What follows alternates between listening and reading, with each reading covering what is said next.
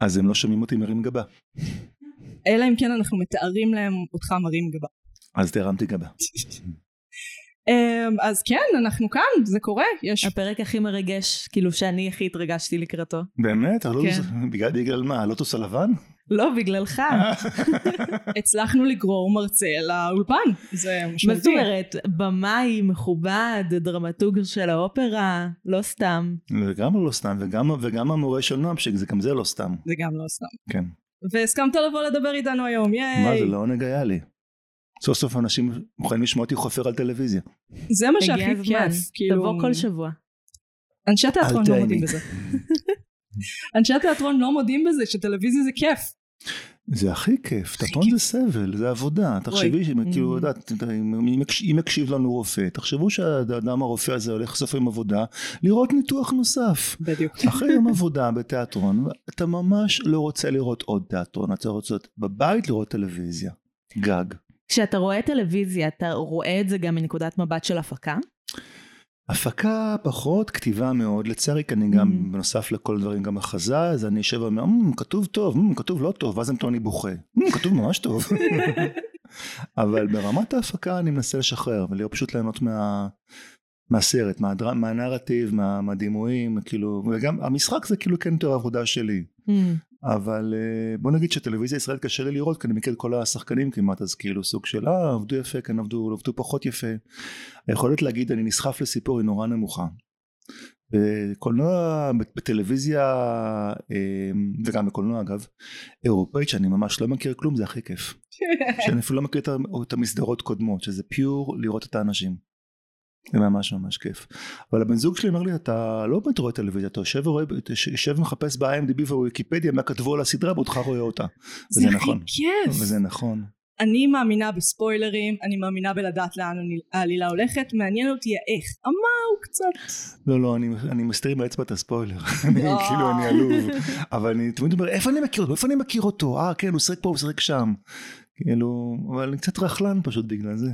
אני חושבת שכשאני לא מכירה את השחקנים, אצלי זה הולך למראש, אל, בראש למקום של, אה וואו, זה נראה פן מורכב, כאילו איך הם הסיעו שם את הדולי, איך כן. זה עבד. כן, אני לגמרי פיתחתי איזושהי חרדה שאני רואה דברים שנראים לי קשים מבחינה הפקתית, וזה מכניס אותי לחרדה רק מלחשוב על איך לעשות את הדבר הזה, ולפעמים תקציב. אני לא נהנית מהדברים. את חרדה כאילו שזה הולך ליפול עלייך בפרק כן. הבא.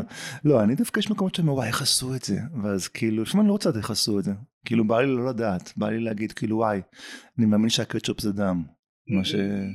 אבל באמת, כשאתה רואה נגיד את, את, את הגשר השוודי דני, ואתה רואה את סגן Mhm. נורן, ואתה רוצה להאמין שהיא נולדה לתפקיד. ואתה יכול, כי אתה לא מכיר אותה משום דבר, היא שוודית, כאילו, וזה מאוד מאוד כיף. כאילו, אני תוהה איך אני ארגיש לראות את סגן נורן משחקת אה, משהו אחר. אם זה יהיה סוג. של, אה, הרס לי. היא תגיע לטלוויזיה האמריקאית. היא תגיע מתישהו, כן. אבל נגיד הג- הגיבורה של הממשלה בורגן הסדרה האהובה עליי ever, לא. לא ever, אבל אחת האהובות עליי, ראיתי אותה בדברים אחרים וזה היה קצת כמו בגידה. כאילו, אקסית המיתולוגית שלך, פתאום אתה רואה אותה כאילו, "מ, מה, אוקיי. כן, אני יכולה להבין את זה כזה לראות את השחקנים של הדוקטורים, מ Doctor Who, משחקים בדברים אחרים. קשה לך? כן, זה היה קשה בהתחלה, דיוויד טנט בהתחלה היה לי. ממש מוזר. ההמלט של דיוויד טננט, את מכאיבה לי אבל בלב. עכשיו אני ממש אוהבת אותו בדברים אחרים. הוא אבל שחקן מאט- מדהים. זה מוזר לראות אותם. יש למט סמית, הוא הדוקטור האחד עשר, כן. אה, יש לו איזה סרט הזוי שאימא שלו יולדת אותו ואז הוא כפיל של אבא שלו ואז הם מתנשקים, זה נורא מוזר. אז הוא עשה הרבה נשמע מוזר כסף. בלי קשר לזה שהוא הדוקטור, את יודעת, נשמע מוזר באופן עקרוני. אבל יש כריסטופר אקלסטון, ראיתי אותו באחרים? לא. הכי, הכי כאילו, וואו, איך אתה עושה גם דוקטור וגם כזה תפקיד. וגם, אה, איך קוראים לו, מאט, אה, מאט, מאט, נו, איך שם מאט גם- סמית. מאט סמית, בתור הבעל של אליזבת, בתור Prince Philip. נכון, הוא היה? כמובן. מדהים.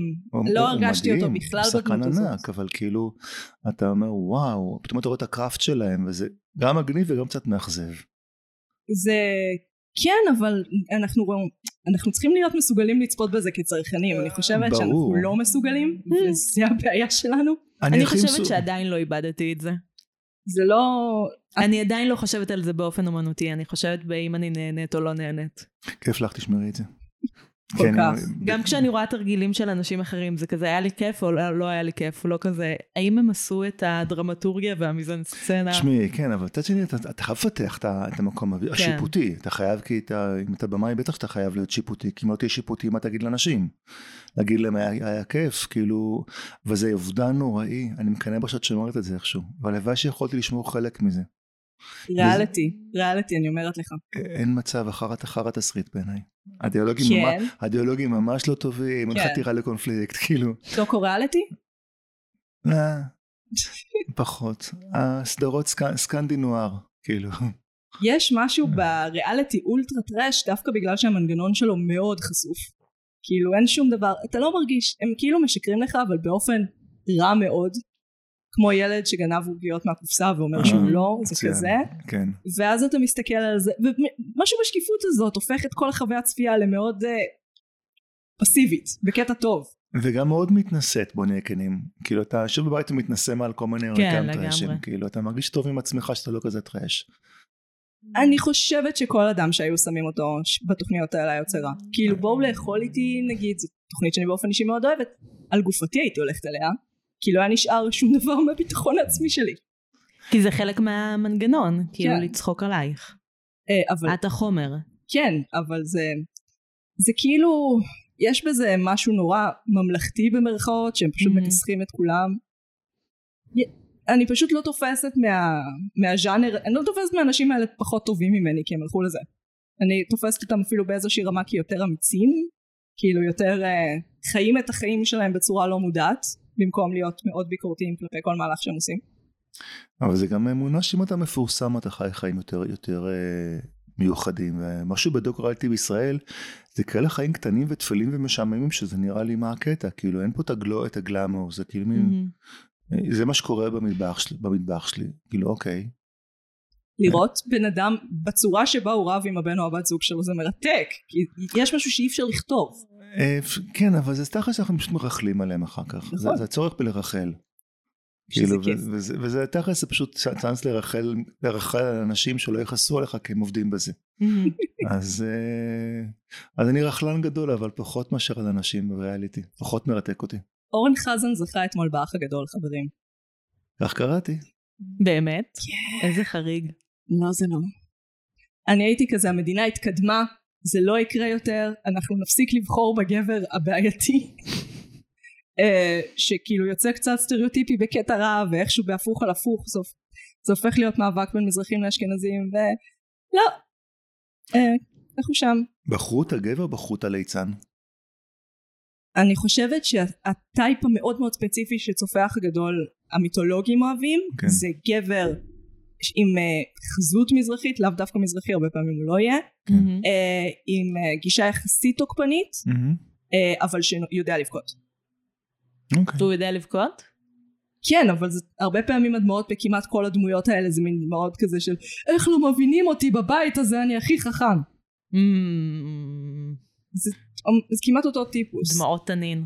כן, כאילו ראינו את זה מגיעים בכל מיני, מגיע בכל מיני מופעים של אה, קיצון, אני חושבת שמעולם לא ראינו את זה באדם שליטרלי הוא עף מהפוליטיקה על ההתנהגות הספציפית הזו. הוא לא עף מהפוליטיקה, אני חושב שהוא פשוט אה, זה כמו מין טראש כזה שנסחף פנימה ואז נסחף החוצה, זה, זה, זה, זה כל הזמן קורה. מהמם. זה כאילו, ל, ל, כאילו, אוקיי, פוליטיקה, זה כאילו ליצני הליכוד, הם באים, הם עושים את הקדנציה של הבדרנים והולכים, כי הם ליצנים, וזה, היי אסנת מרק, אבל אה, נכנסים, עושים את הקטע והולכים. היי, הם מספקים עבודה לתום יער. נכון, זה יפה, זה מתחשב מצידם, אני חושב שהם בעצם משלמת להם. נלך לפתיח?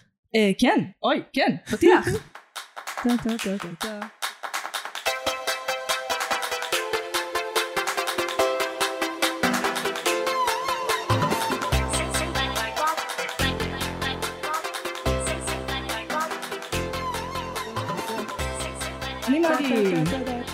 אני אף פעם לא יודעת לעשות אותו כשאנחנו מקליטות. אני. תמיד יש לנו פתיח, ואני אף פעם לא יודעת לשחזר אותנו כשאנחנו מקליטות, וכשאנחנו לא מקליטות זה ישר.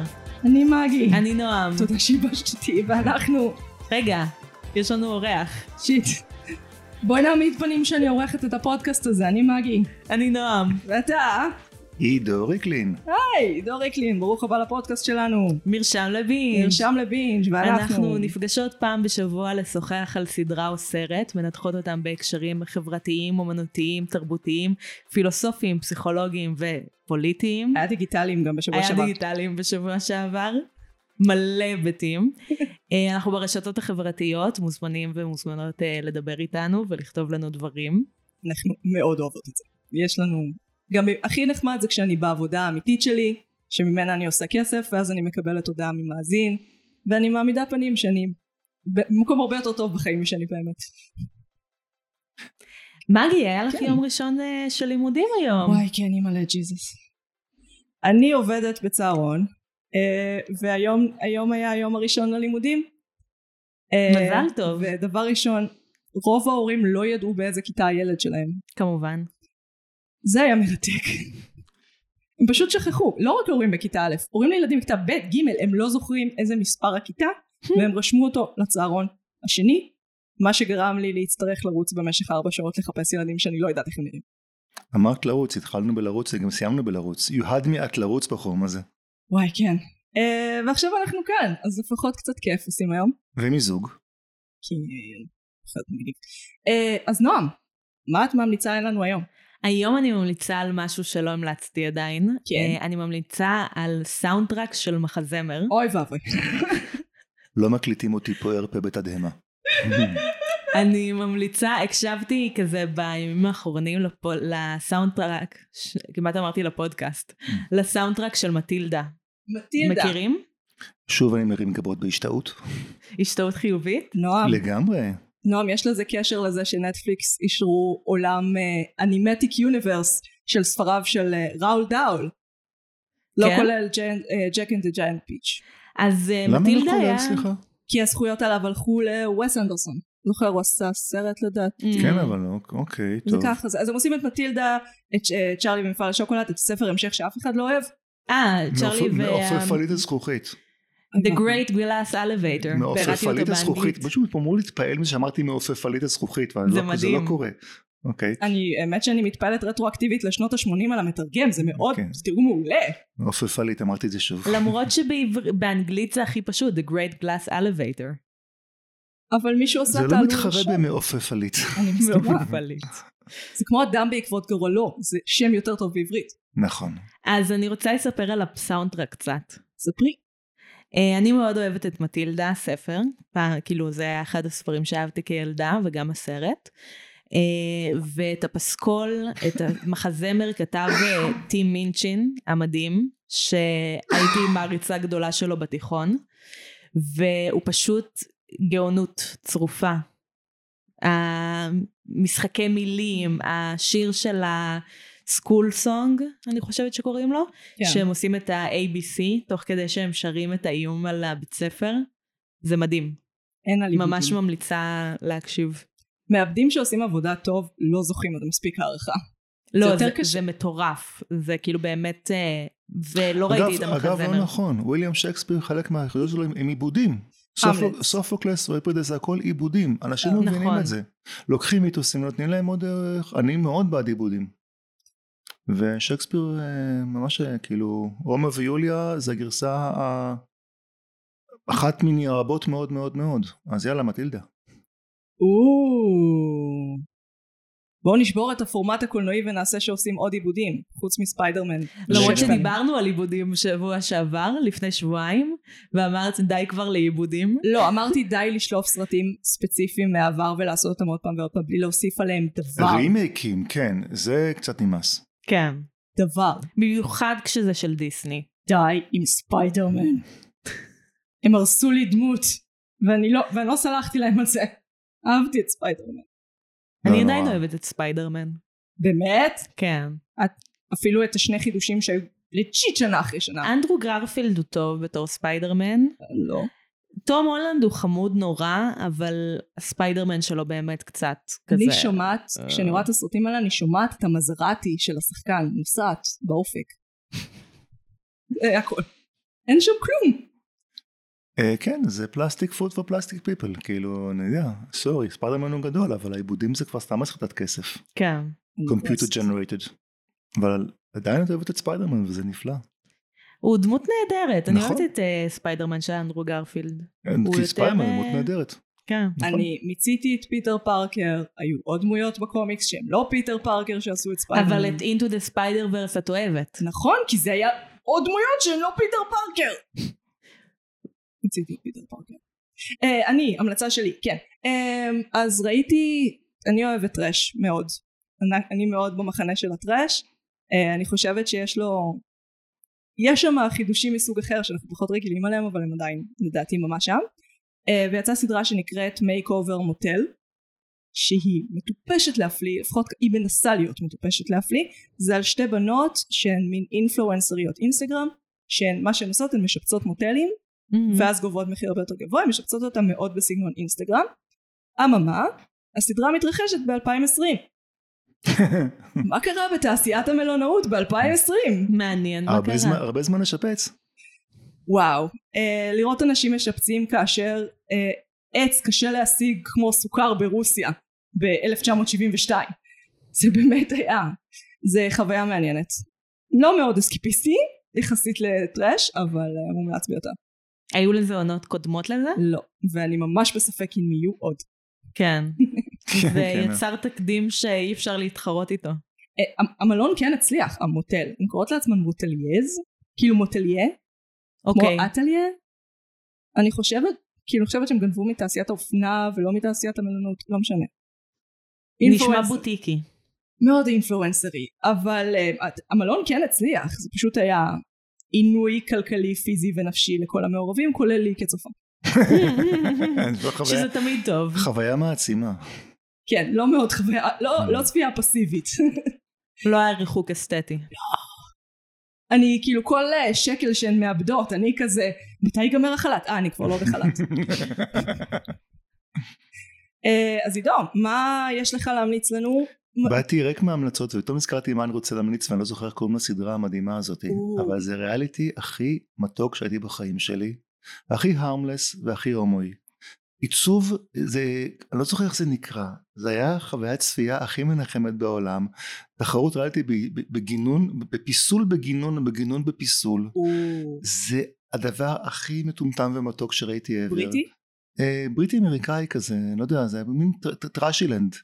המנחה הכי אוחצ'ה קמפית בעולם מדהים. מיני וואו, it's amazing, פסלים של באגס בני מנרקיסים וכאלה, ושמונה עשרה זוגות, את נמצא איזה איך זה נקרא. אני זה ראיתי היה את זה. מהמם, זה היה, הם, כולם היו מין בוא נחזיק ידיים ונאהב ופרחים, וזה היה פשוט תפלצות של פרחים, ישבתי עם הבן זוג שלי והיינו רואים את זה כמו כזה, כמו ילד שמקבל לפני השינה מנה של כאילו סוכר, שוגרה של הוורידים, ואתה כאילו, אבל במקום, במקום שזה יעיר אותך זה מרדים אותך.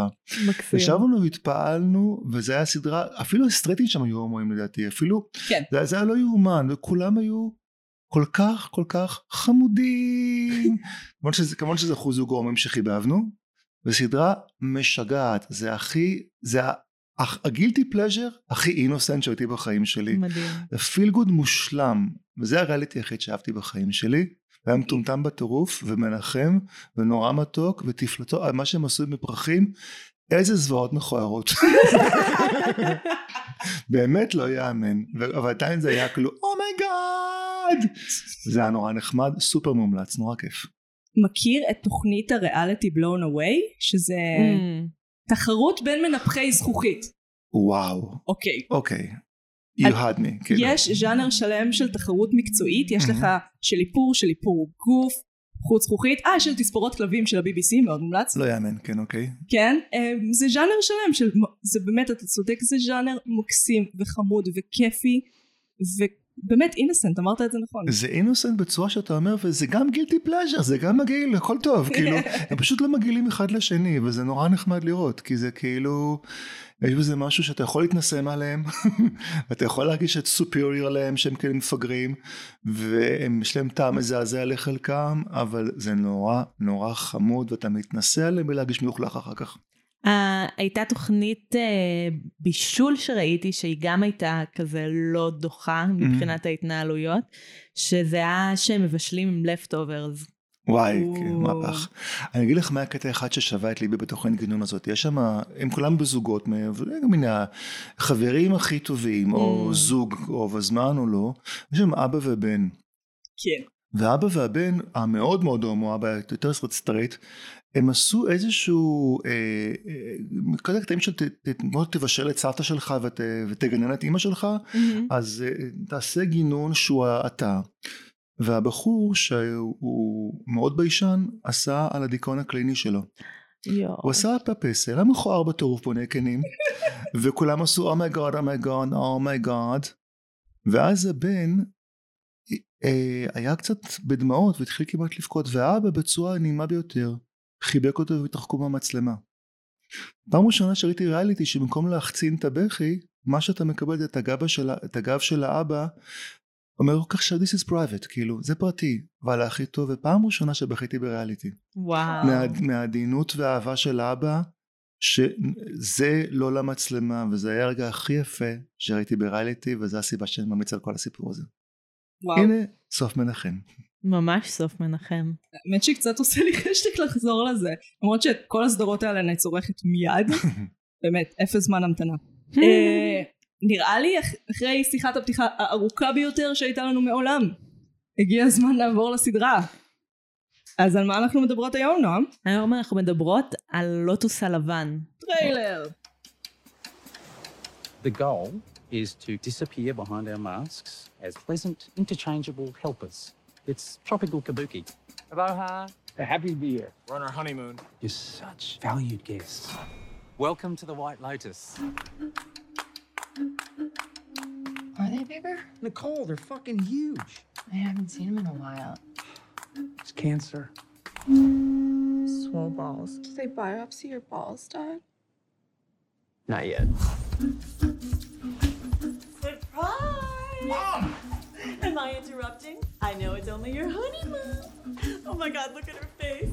Rachel, you were such a beautiful bride, but also very pale. But now you have a little more color and it looks great. אני מאמינה שהם לא יתבעו אותי כי הם HBO ואם אכפת להם ממני אני מאוד כועסת.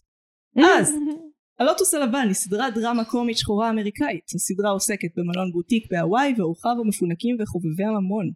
אנו עוקבים אחר החופשה של האורחים וכל הנזק שהם גורמים לעובדים ולתרבות המקומית.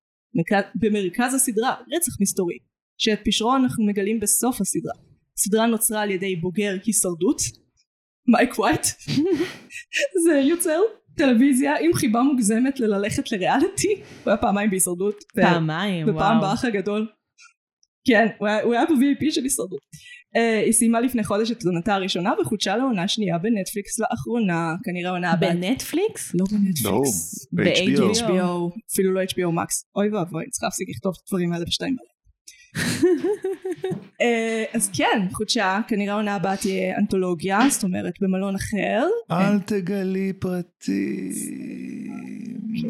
אנחנו לא יודעים על זה כלום, היא עוד לא ספוילר נכתבה. אלרט, ספוילר אלרט. אה, כן, כל הפודקאסט הזה הוא ספוילר. אה, אוקיי, בסדר. יש לנו מלא ספוילרים, שכחתי להגיד את זה בהתחלה, נכון, זה כל לא- הספוילרים לכל הסדרה. כן. וגם לא. לעונה העתידית. אוקיי. אז כל הסדרה בעצם התחילה מבעיה שלנו כולנו כיוצרים בוודאי הרגשנו התחילה הקורונה לא היה ממש מה לעשות uh, היוצר הזה מייק ווייט היה כזה טוב מה אני כן יכול לעשות הוא הבין שה-four seasons בהוואי כמו כל המלונות סגור וזה אומר שהוא יכול אה, לצלם מבריק. הוא כתב במיוחד לזה עכשיו יופי. הוא חובב מאוד גדול של הוואי הוא היה בכל המלונות שם הוא הלקוחות האלה הוא קיטי, אה? כן, כן. וזה כל כך הזוי בעיניי שהוא כתב את הסדרה הזאת. על עצמו, basically. לא, זה, זה self deprecating. כן. זה, זה כאילו לחתוך את עצמך בפריבילגיה. זה הרבה מודעות לפריבילגיה. אז אה, עידו, אתה בסך הכל, למרות שהיינו עושות את הסדרה הזאת בכל מקרה כי ההייפ מטורף, אבל אה, חיכינו לך בשביל זה. איזה חמודות, אתה יודע. אז מה, מה משך אותך בסדרה הזאת, דווקא זאת? קודם כל, כמו שאולי, כמו שאמרתם, אני אדם שעושה אופרות, ועשיתי אופרה לפני חודש, והייתי חייב לבוא הביתה ולעשות משהו שהוא הכי לא אופרה שאפשר. זאת אומרת, הכי כאילו לבוא, להישב בתוך סיפור, אה, שיהיה, אה, שונה ממה שאני עושה במשך היום, וזה סיפק לי את זה משום מה, אין לי מושג למה. ומצאתי את עצמי פשוט פותח ובודק מה קורה בסדרה הזאת, וממש נשאבתי פנימה, כי זה נורא מוזר, זו סדרה שכולם בה מגעילים חוץ מאדם אחד, בלינדה. כולם בה מגעילים, כן. ומצד שני אתה, אתה נהנה להסתכל עליהם, זאת אומרת, וזה, זה היה בזה איזה מיקס משונה של, של זוועה והנאה, וזה לא היה גילטי פלז'ר, זה היה מוזר, זה בכלל לא גילטי, זו סדרה מאוד נכון. איכותית בעיניי. למרות שאתה מסיים את זה אתה מרגיש קצת ריק, כי, כי באמת כולם מגעילים, אז כאילו אוקיי, כולכם הייתם מגעילים ביי. ועדיין יצאתי מזה עם תחושה ש... בבת אחת גם סופר אסקייפיסטי וגם מאוד מאוד נוגע בזה דברים מאוד עירומים. והם שחקנים מעולים, פשוט שחקנים מעולים. וואו, אז אה, חלק מהסיבה שהוא הצליח להשיג את השחקנים האלה זה כי קורונה. אה, תשמעו, הוא כן יוצר עם זכויות, וזה כן תפקידים כן. מדהימים, כאילו זה לא...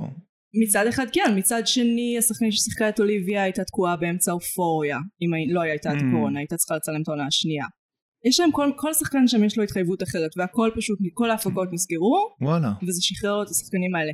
כסף וזכויות יש להם במלא פרויקטים. כן, ברור. לצערי, בארץ אנחנו לא מכירים את זה כל כך, אבל יש להם זכות בחירה שם. כן, אבל תשמעי, זה, זה, זה תפקידים מדהימים, זה כן. כאילו, זה כתוב כל כך טוב, אני בטוח שהם היו כולם, אה, אולי לא, אולי לא פנויים, אבל בטח שמחים לשחק את זה. ומה שהיה לי מעניין להסתכל על זה, זה היה כאילו, זה לא, אתה לא יכול לעשות שם בין, זה פעם בשבוע, הייתי יושב פעם בשבוע ורואה את זה, זה, זה חוויה צפייה קצת ישנה, שאתה אין לך. אין לך את הפריבילגיה של הבינג' ואתה כאילו, לא, לא הכרתי את השחקנים תכלס, חוץ מאת האבא, לא הכרתי בעוונותיי, ו... מהמם. והיה לי מאוד מאוד כיף לראות את זה. ו... והייתי באמת סקרן של מי, יש בסצנה הראשונה גוף... גופה בארון שיש לך מושג מי זה, רצתי הימורים, חופשי, רצתי מי הימורים. אמרת? מה? מי אמרת?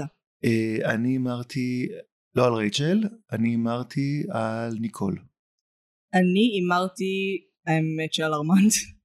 וואו. לא, אני לא. אגיד לך למה הימרתי על ארמנד, כי אני ראיתי את השלושה פרקים הראשונים ברצף, איך?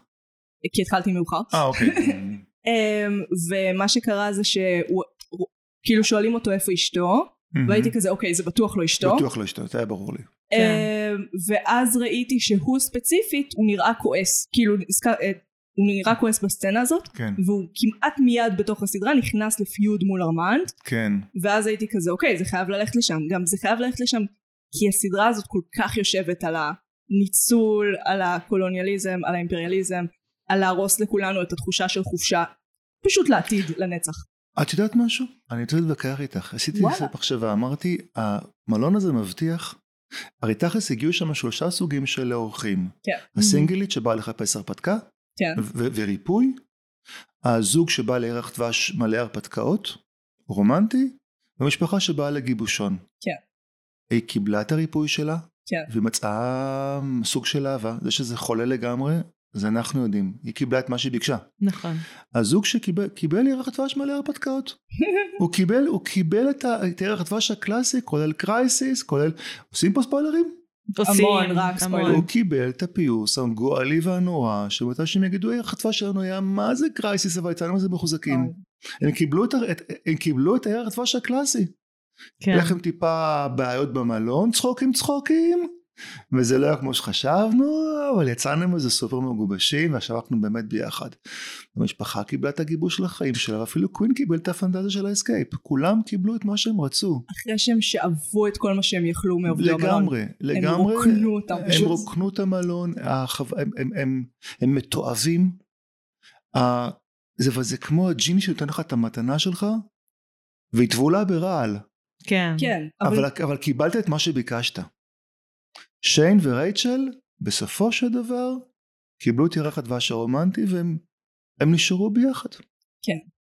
פולה, אפילו פולה שהיא כאילו סבלה כל הטיול, היא אה, כמעט הכי הרבה סבלה שם.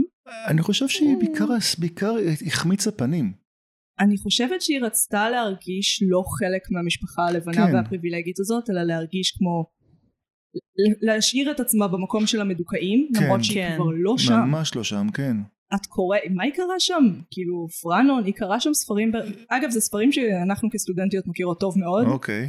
אה, להוציא החברה הגאונה שקוראת רייצ'ל כן. ובלינק ספר העצמה אישית שקורא כן. בעלה, כל הספרים שהן קוראות שזה אה, לקאן וזה פרויד וזה, זה ממש נמצא בכל הסילבוסים שלנו. אבל הם כן ניסו להתוות קו כאילו של איך הן משכילות או מתעמקות בנושאים שלהם תוך כדי זה. כן, אבל את יודעת, פולה, פולה נכנסה סופית למועדון המדכאים. כן, פולה הצליחה כן. להיות בסוף, בסוף, בסוף הטיול, אישה לבנה שירה בצבע שחור. כאילו זה, זה, זה ממש... אה, כן. היא, היא, והיא זו שמתחמקת מהפשע, כמו ששיין כמו מתחמק ששיין, מהפשע היא, שלו. היא כאילו, היא נכנסה למועדון, התקבלה סופית למועדון, שהיא על פניו כאילו מתעבת אותו, ויש את הפריבילגיה לתעב אותו ולהשתייך אליו, איזה יופי. הכי טוב. היא גם, היא ממש השתמש, בקאי היא ממש השתמשה בו בשביל החוויה של הקיץ, כן. בשביל, אפילו בשביל החוויה של המרדנות היא השתמשה כן. בו, והוא איבד הכל. כן, והיא untouched, ובסופו של דבר בעיניי, בעיניי פולה היא כמעט הווילן של הסיפור הזה. היא כן. זאת אומרת, זה, זה איפשהו, באמת לא יכולתי לשאת יותר, לא אותה ולא את רייצ'ל, את, ה, את, ה, את הקורבנות. מהמם. ואת, ואת, ואת, ואת, ואת זה שהיא כל כך לחוצה להיות אה, לא, לא מרוצה. או מה שנקרא, אוקיי, אז תלכי. את ממש לא חייבת להיות פה, את יכולה ללכת. אבל אז היא לא תהיה קרובה לצלחת, והיא רוצה. בדיוק. אבל זה היה נורא מצחיק שהזוג הזה שמסריח מכסף לא טורח לקחת, כמו שכל משפחה נורמלית הייתה עושה, חדר להורים וחדר לילדים. כאילו, ממש. זאת אומרת, זה שתוקעים אותם במיטה הזוגית הזאת, עם כל האימפליקציות, זה ממש היה כאילו, what the fuck. הם טענו, השחקניות שהן התראיינו על זה, שהן הם לא שיחקו את זה ככה, אבל גם כצופה לי מאוד קשה להתעלם מה, מהעובדה שהן באותה מיטה, הן מתחבקות, יש שם אינטימיות שהיא לא בדיוק חברית. יש שם אובססיה מוחלטת של אוליביה, אוליביה נכון? אוליביה, כן. כן. יש שם אובססיה מוחלטת של אוליביה לפולה שלא מוסברת בשום צורה. כאילו אי אפשר רק קצת להגיד מוסברת. שהיא, אי אפשר רק להגיד שהיא החברה הקנאית שפשוט ככה היא, היא פשוט מקנאה כל הזמן. לא, זה קטע של שליטה. זה קטע של את זה הצעצוע קטע של שלי. שליטה, אבל למה? למה היא צריכה את הצורך הזה, למה יש לה את הצורך הזה לשלוט בפולה, דווקא בפולה, וגם אז להגן עליה. אני חושבת שהיא באיזשהו מקום נורא רוצה להיות הבן אדם החזק והפריבילג, אבל למרות זאת להרגיש שהיא לא הבן אדם החזק והפריבילג, אלא היא המגניבה עם הדעות הפרוגרסיביות, למרות שהיא לא. אמ, ואז כשהיא מתחברת עם פולה, אבל עדיין מענה אותה, אז היא כביכול עם הפרוגרסיביים, אבל היא צוברת שליטה. פולה היא חכמה מאוד, אני חושב שהיא משתקפת, היא משתקפת בצורה מחמיאה בעיניים של פולה. פולה משק, משקפת לה אותה חזקה, מהמם. מגניבה, ליברלית, פולה... היא, היא, היא, מש, היא כל הזמן משחיתה את היחסים שלה עם פולה ומתקנת אותם, זה כאילו, זה, זה מין אה, לופ אינסופי של פציעה וריפוי, פציעה וריפוי, יש בזה הרבה דרמה, החל מהדיאלוג הראשון המעולה שלהם, שהם שתיהן כאילו מטנפות על כל העולם, כן, זה, זה, מדהים. החיבוק האחרון שלה הוא נוגע ללב מאוד. הוא נוגע ללב ברמת כאילו התינוקיות של אוליביה. זה... הם נורא תינוקיים כולם. זה מדבר נורא על אינפנטיליות של אומה, אינפנטיליזם של אומה. הם נורא... הקטע הכי בעיניי כתוב נפלא בכל, Mhm. ה... בכל הסדרה, זה שספוילר ספוילר שן רוצח את ארמון ואומר אוי סורי ובורח וזה, כן. וזה זה גאוני זה באמת גאוני. זה הפעם היחידה שהוא מתנצל על משהו. זה אוי סליחה. גם השנייה שבה המשטרה באה ופשוט מדברת איתו ואז הוא הולך. את ראית כן, שמ- לוחצים את היד שלו. לא לא, מ- אה, הם עשו את זה נורא בעדינות. מגיע כנראה הס- הסוכן של אימא שלו, זה שמסופר עליו, הוא פשוט מרחיק אותו משם, הפיקסר, כאילו זה שעשוי... הוא- יוצא מזה, אבל הסורי הקטן הזה, העלוב הכי שהוא רצח בן אדם, זה זה היה כתוב נפלא בעיניי, זה גאוני, כי זה הדבר האחרון שהיית מצפה. עכשיו, טביעות האצבעות על, ה- על הסכין, אה, הוא פשוט הלך משם, זה אפילו לא, אוי, כל הסדרות, אוי, רצח, אה, אה, תמיד זה כתוב, כאילו שאנשים קראו את המדריך לרוצח לפני שהם רצחו. נכון. ופה את ראית בן אדם באמת מפונק ותינוקי, שאין לו מושג מה עושים, הוא פשוט נמלט, והמצחיק הוא שהוא האדם היחיד שהוא יוצא לגמרי נקי. הוא רק אומר אוי סליחה, וזה כל כך מצוין, וזה כל כך מבריק בכתיבה, כי זה המשפט האחרון שהייתי חושב עליו בתור מחזאי. אחרי שרצחת בן אדם להגיד לו אוי סליחה וללכת. זה ההברקה, וזה גם הברקה של הבימוי, כי הבימוי העביר את זה גם פנטסטי. לגמרי, Mhm. לגמרי. כל המיזן, הוא עבד עם מיזן סצנה, מעניין, אולי בגלל שהוא עבד עם חדרים סגורים. כן, מאוד. אז uh, מיזנסצנה בשונה מפריים, פריים זה איפה אתה ממקם את המצלמה, בעוד מיזנסצנה זה איפה אתה זז בחלל, במקרה של קולנוע זה לעומת המצלמה. כן. כן. אז בעצם uh, בוא נדבר שנייה על הוואי. כי וואי היא הקשר מאוד מאוד מעניין לדבר הזה. על מי? הוואי, אוקיי. המדינה. דיברנו על זה קודם, שהיא בעצם מדינה ילידית. די רחוקה ממיינלנד, ממרכז היבשת של אמריקה, והשתלטו עליו בשלב יחסית מאוחר, בסוף המאה ה-19. הצלחתי. 1890 ומשהו. דיברנו על זה, רשמנו כן. את התאריך, זה קרה. אמ, ועכשיו אני לא זוכרת אותו. 1897. בסדר, למה את משלמת לה? תזכור. Um, בעצם זה כיבוש, הם פשוט כבשו את uh, הוואי, מדינה שהייתה יחסית מצליחה, יחסית משגשגת, די על ידי התנחלויות, אה, בסופו של דבר היה גם כיבוש אלים. כן. כאילו צריך לא לשכוח את זה.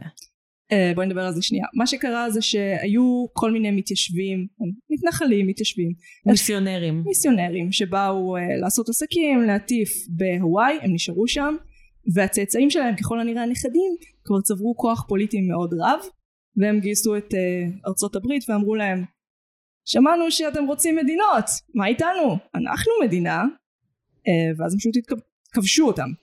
והיום זה המגרש משחקים שלהם, זה איפה שהם באים לעשות כיף. והילידים הם פשוט האנשים שמשרתים אותם. והכיף, במרכאות, הוא התרבות שלהם. וואלה.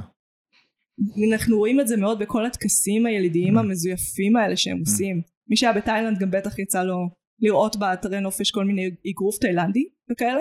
מופעים מאוד מאוד דומים למה שרואים בסדרה. מהמם. זה קרינג' אגב בחיים האמיתיים בדיוק כמו אז, אה, בדיוק כמו בסדרה. יש פה משהו מאוד נצלני ומגעיל ברמה הגיאופוליטית עוד לפני שאנחנו נכנסים לסיפור. ואני מרגישה שהמייק ווייט הזה ממש השתמש בזה. כן. איך הוא ישתמש בזה אם הוא אוהב לנפוש בהוואי? שמישהו יסביר לי. הוא פולו אני חושב, הוא פולו ואוליביה, בסופו של דבר הוא כותב אותם מבפנים, זה המקום שבו אתה יכול להיות בבת אחת גם פריבילגי וגם נצלן, ואתה מחזיק את שתי הקצוות ביד שלך.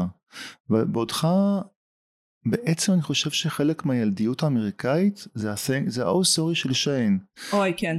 זה המקום שבו אתה אומר, אני, אבל אני ילד קטן ונחמד, אני ראיתי את מייק ווייט מדבר על הסדרה, מדבר עליה כאחרון הטראשרים. אמרתי, איך יכול להיות שהאדם החכם הזה שכתב את הדיאלוג המצוין הזה, מדבר Mhm. כל כך מטומטם? אבל אני חושב ש... זה, זה יכולת הקסומה של ילד קטן לאכול עוגה ולהכחיש אותה בו זמנית. ואני חושב שהוא מכיר את זה מבפנים. הוא פשוט מאוד מאוד מוכשר, הוא נורא מוכשר, אבל אני לא חושב שהוא יותר טוב מהדמויות שלו. אז מה זה הבנה לוגית אבל אין אמפתיה? לא, זה כנות מאוד גדולה אני חושב.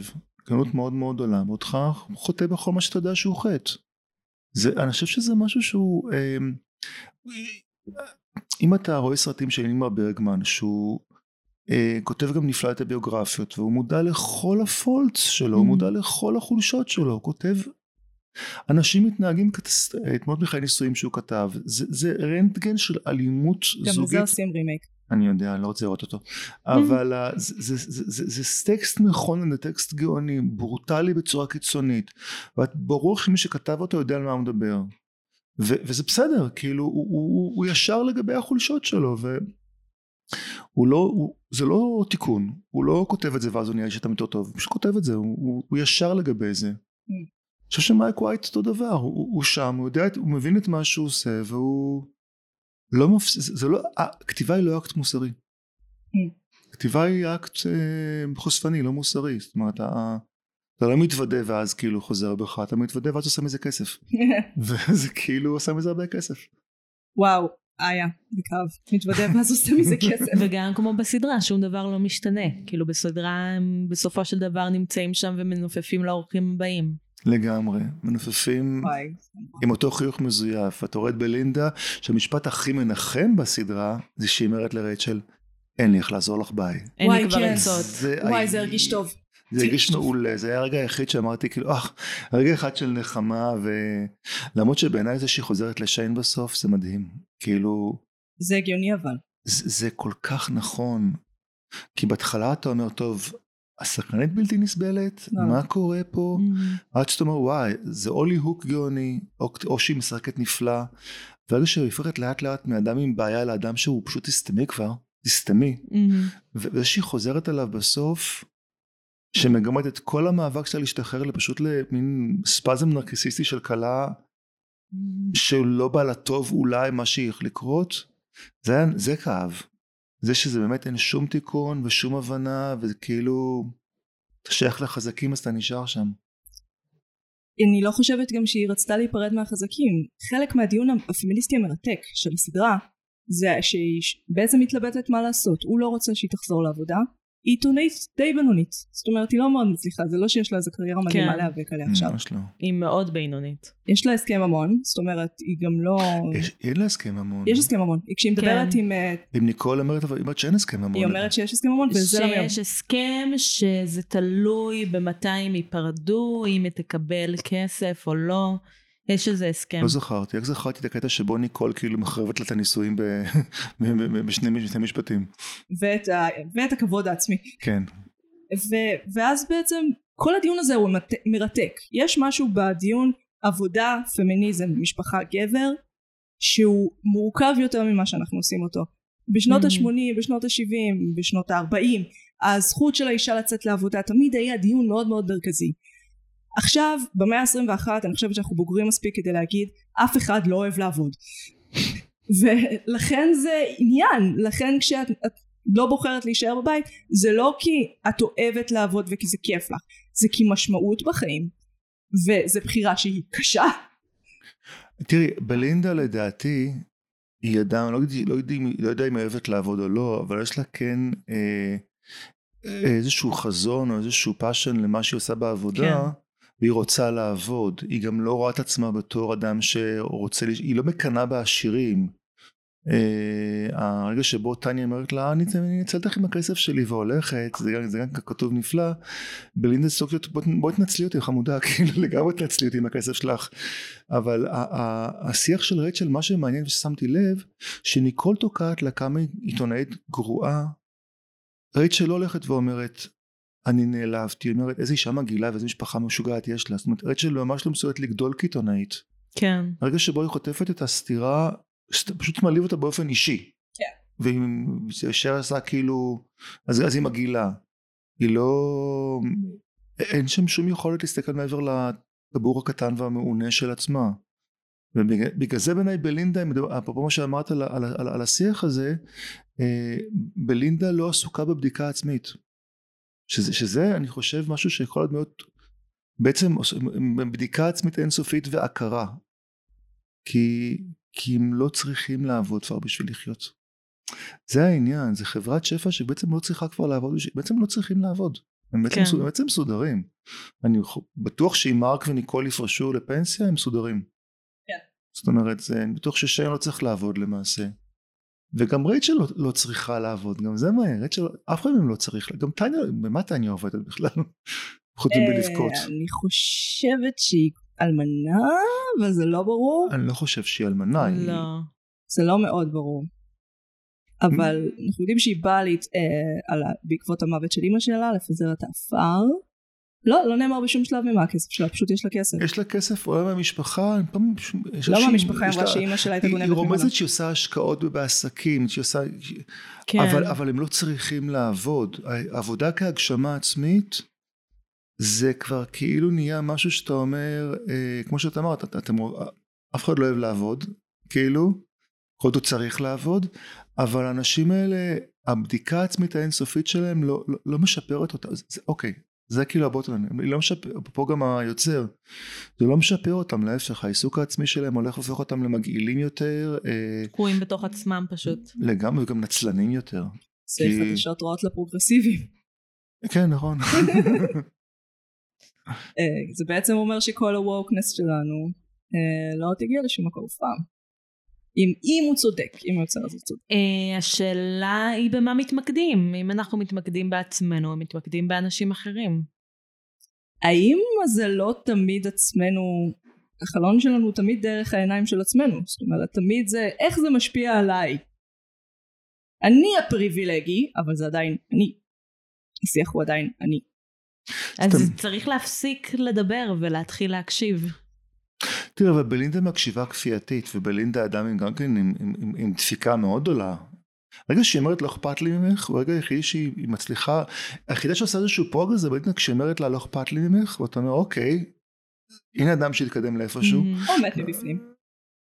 כן, ויתרה באיזשהו מקום. היא מתה מבפנים אבל היא הפסיקה באופן כל כך מרצה ואובססיבי להיות מטפלת. רייצ'ל לא ראויה שיקשיבו לה. רייצ'ל באמת לא ראויה שיש תשחית אליה את החמש דקות המיותרות האלה. ואני חושב שהיא מתה מבפנים לגמרי וזה, וזה אני צר לי בצערה מה שנקרא כן. אבל בסופו של דבר היא, היא מפסיקה התנהגות כפייתית שלה. היא, היא עושה את זה.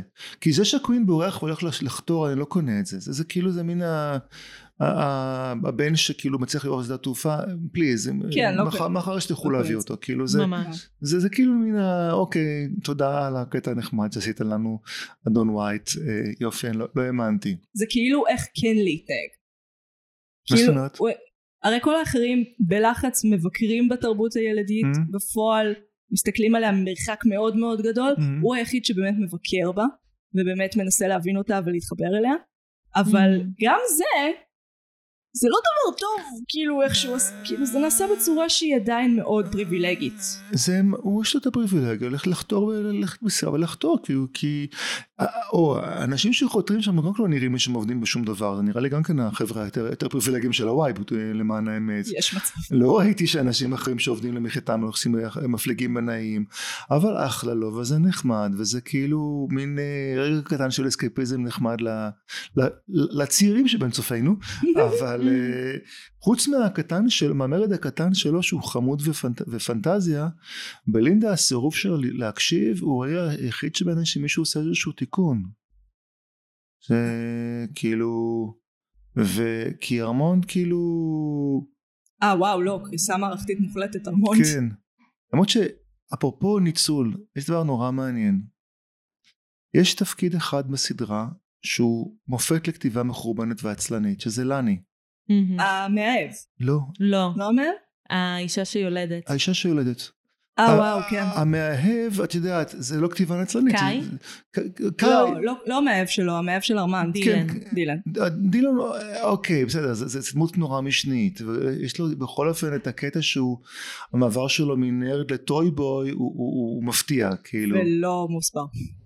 אה, מה שנקרא, כאילו, את יודעת, אה, אני מוכן לקבל שלא... קורבן של הנסיבות. לא קורבן, או דווקא שאחד שאני ניצל את זה, וכאילו כן. היה לו גוד טיים מזה. אני לא יודע, אני לא יודע מה, האיש הזה, אבל זה דמות משנית. אבל לני, שהיא דמות מרכזית בפרק הראשון, וזה כמו אה, מין אה, utility, ממש. איך עושים אקספוזיציה דרך האישה ה, אה, הילידית, שזה שהיא מלאה, אז לא יודעים שהיא בהיריון כאילו, וזה שהיא ילידית אתה צריך להסביר לה, ואני נורא התאכזבתי שהיא לא חזרה. לא בקטע שהיא גם לא עניינה אותי באופן אישי, אבל אמרתי, זה, זה כתיבה עצלנית. זה מכוון. לדעתי, אני, לא, אני מסכימה איתך שזה לא עובד. אני אבל, לדעתי מה שהוא ניסה להביא שם זה להראות כמה האנשים האלה הם דיספנסיבל. כמה ככה הם נעלמים וככה מחליפים אותם. אבל אתה יודע, כשאתה כותב סדרה ואתה רוצה לה- להציג את הפרמיס שלה, ואתה משתמש באדם חדש בעבודה, כן. אז מה שנקרא. וזה זה, זה הכי כאילו, ו, ואז זה שהיא דיספנסיבל, היא הייתה גם דיספנסיבל היוצר שלה בסופו של דבר. כן. כן. כן, אל כן. תעלבי בשמה. כאילו. אני נעלבת בשם מייק ווייט. אבל תשמעו, זה כתוב לא טוב, זה כאילו כן. זה לא אקדח שיורה בשום צורה, סכין האננס מופיע בפרק השישי, מופיע מאוד מאוחר, אז הכל בסדר, אבל לני זה אקדח שכאילו, זה, זה, זה אכזב אותי שהוא כל כך כותב רשלני, ואז אמרתי, טוב, הוא כתב את זה מאוד מהר. אז הוא, נכון. אז הוא כתב את זה מאוד מהר שעושה, ואתה אומר, אוקיי, אקספוזיציה שלוש ארבע ו, תביאו לי איזה מישהו ואני אסביר לה מה לעשות, ואז אני אזרוק אותה לקיבינימט. אבל הצטערתי שהיא בשום צורה לא מצליח לקשור את הסיפור שלה להמשך. זה היה די מיותר פשוט להיפטר ממנה. באותה מידה היא הייתה יכולה להישאר באותה כאילו רמה של דילן. נצלנית, היא בחופשת לידה, את רוצה לקחת מאישה ילידית את חופשת למה לידה שלה? אין ילדה. חופשת לידה בארצות הברית. אה. למה היא ילדה נקודה? למה היא הייתה בהיריון? אה, צריכה את העבודה. לא, אבל, אבל זה מאפשר לו להיפטר ממנו תוך שנייה. כן. כן, באותה מידה הייתה יכולה לא להיות בהיריון ופשוט להיות ברקע. כן. ועדיין זה יחזק את העמדה. זה כלי עלילתי. זה יכול להיות כלי עלילתי מעולה, כאילו ארמונד אומר לה, התפקיד שלנו פה זה להישאב לרקע. כן. באותה מידה היא הייתה יכולה להיות שם ולהישאב לרקע. הוא כאילו גם עושה תרגיל שהוא קצת משחק עם הציפיות שלנו. זה מוסכמה קולנועית הרי, שהיא... קולנועית, טלוויזיונית, שדמות שמגיעה בפרק הראשון זה מעולה, כי אז אתה יכול כאילו, מציגים לדמות את העולם, אבל בפועל מציגים כן, אבל, לנו. אבל תשמעי, זה נכון וזה נורא נורא obvious, אבל כן. יש שני דברים. קודם כל, זה, זה, זה, זה האישה הילידית ש... זה כמו שרוצחים את הלסבית. כאילו זה האישה הילידית your שנפטר. ממנה, כאילו, gays, כן. זה ה... את מכירה את ה... את ה... האם היא דמות לסבית, האם היא חיה מעבר לפרק הראשון, ממש. וגם זה לא נד סטארק שכאילו וואו רצחו את הדמות הראשית בפרק הראשון, זה לא, וגם לא רצחו אותך, היא פשוט ילדה ונעלמה, פייר. זה היה מאכזב, כן. כאילו, הורדתי לך חצי כוכב, מייק ווייט, אבל אנחנו עדיין נצפה בעונה השנייה. לגמרי. שהשמועות כן. אומרות שהיא תהיה ביפן, אבל זה עוד לא סגור כי הם עוד כותבים אותה. מעניין באיזה חולי, חולי של החברה זה יתעסק. אני יש לי חשד מחריד שהוא יתעסק באותו חול בדיוק שוב פעם וזה של יבאס אותי. קולוניאליזם? כן. למרות שיש משהו נחמד כי ביפן הם לא יכולים להתנסה מעל היפנים הם יותר מפותחים. פעם הבן זוג שלי אמר אתה יודע למה נוסעים למחנות המוות בפולין ולא למחנות המוות בגרמניה? כי לפולנים קל להתנסה. Mm. כאילו הגרמנים זה יותר קשה אז כאילו יותר נוח לנסוע לפולין ולהתנסה מעל הפולנים. וואו. אה, ראיתי את הסרט על דני קרוון. הייתי צריכה להמליץ על זה, שיט. הזכרתי ממחנות המוות. יש. תמיד את השבוע הבא. לעזאזל. אה, טוב, אנחנו כבר ממש בסוף, נועם, משהו ששכחנו?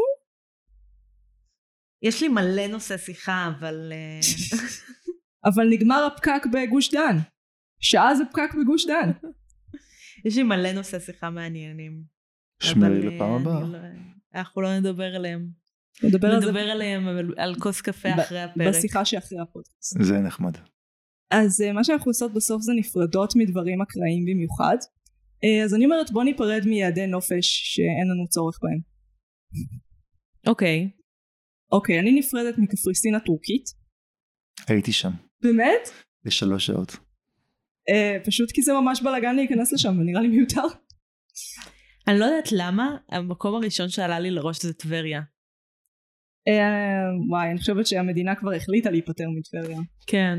מתחשב במה שקורה שם. אז טבריה. אהבנו אותך, היה כיף במעליות השקופות. את יודעת שטבריה קיימת אלפיים שנה? הייתי באמת? בנות. כן. משנת עשרים. כי זה ליד. מאגר מים? אז בדיוק 2000, לא, 2001. 2001, אודיסאה, 2001. הם עשו אירוע? אה, אני חושבת שהיה קורונה. איזה באסה, לא כל יום את בת אלפיים, גברת. ממש. איזה באסה. כן, לא קיבלה את העוגה שלה. בוא נכין לך, אנחנו נעשה עם כנרת. אני רוצה עוגה של טבריה. תקבלי עוגת דג מושט. לא. זה אפשרי. אז יש יעד שהיית רוצה להגיד לו להתראות? ודאי, ארצות הברית. יפה. כולה, חוף לחוף. מעיין עכשיו בארצות הברית. אני מאח- מאחל לה הנאה ומאחל לה לחזור כמה שיותר מהר. coast to coast אמריקה הייתי מוותר עליה ואני מודה שהיה לי את הזכות המפוקפקת להיות שם בתקופת הבחירות של דונלד טראמפ. זה היה. נוראי, ישבתי באיזשהו בר במיין, סתם על החוף, ואמרה לי בחורה מהסוג של ווייט לוטוס דרך אגב, עשירה ופריבילגית, היא אמרה לי למה אתם פה? ואמרתי בן זוגי מכסה את הבחירות של את הבחירות שלכם. היא אמרה אני כל כך מתביישת. וזה ממצה את דעתי על אמריקה. או. סורי. סורי. כן. סורי אפגניסטן. אה, כדאי שנגיד אולי, זה הפרק שהולך לעלות בראשון או שני הקרוב, כן. ומתחילה שנה חדשה, אז אה, שנה טובה. שנה מעולה שתהיה, נכון. אז אני הייתי מגי, אני הייתי נועם, ואתה היית ואני עדיין עידו. עדיין עידו, ואנחנו היינו... מרשם לוין. נשיקות.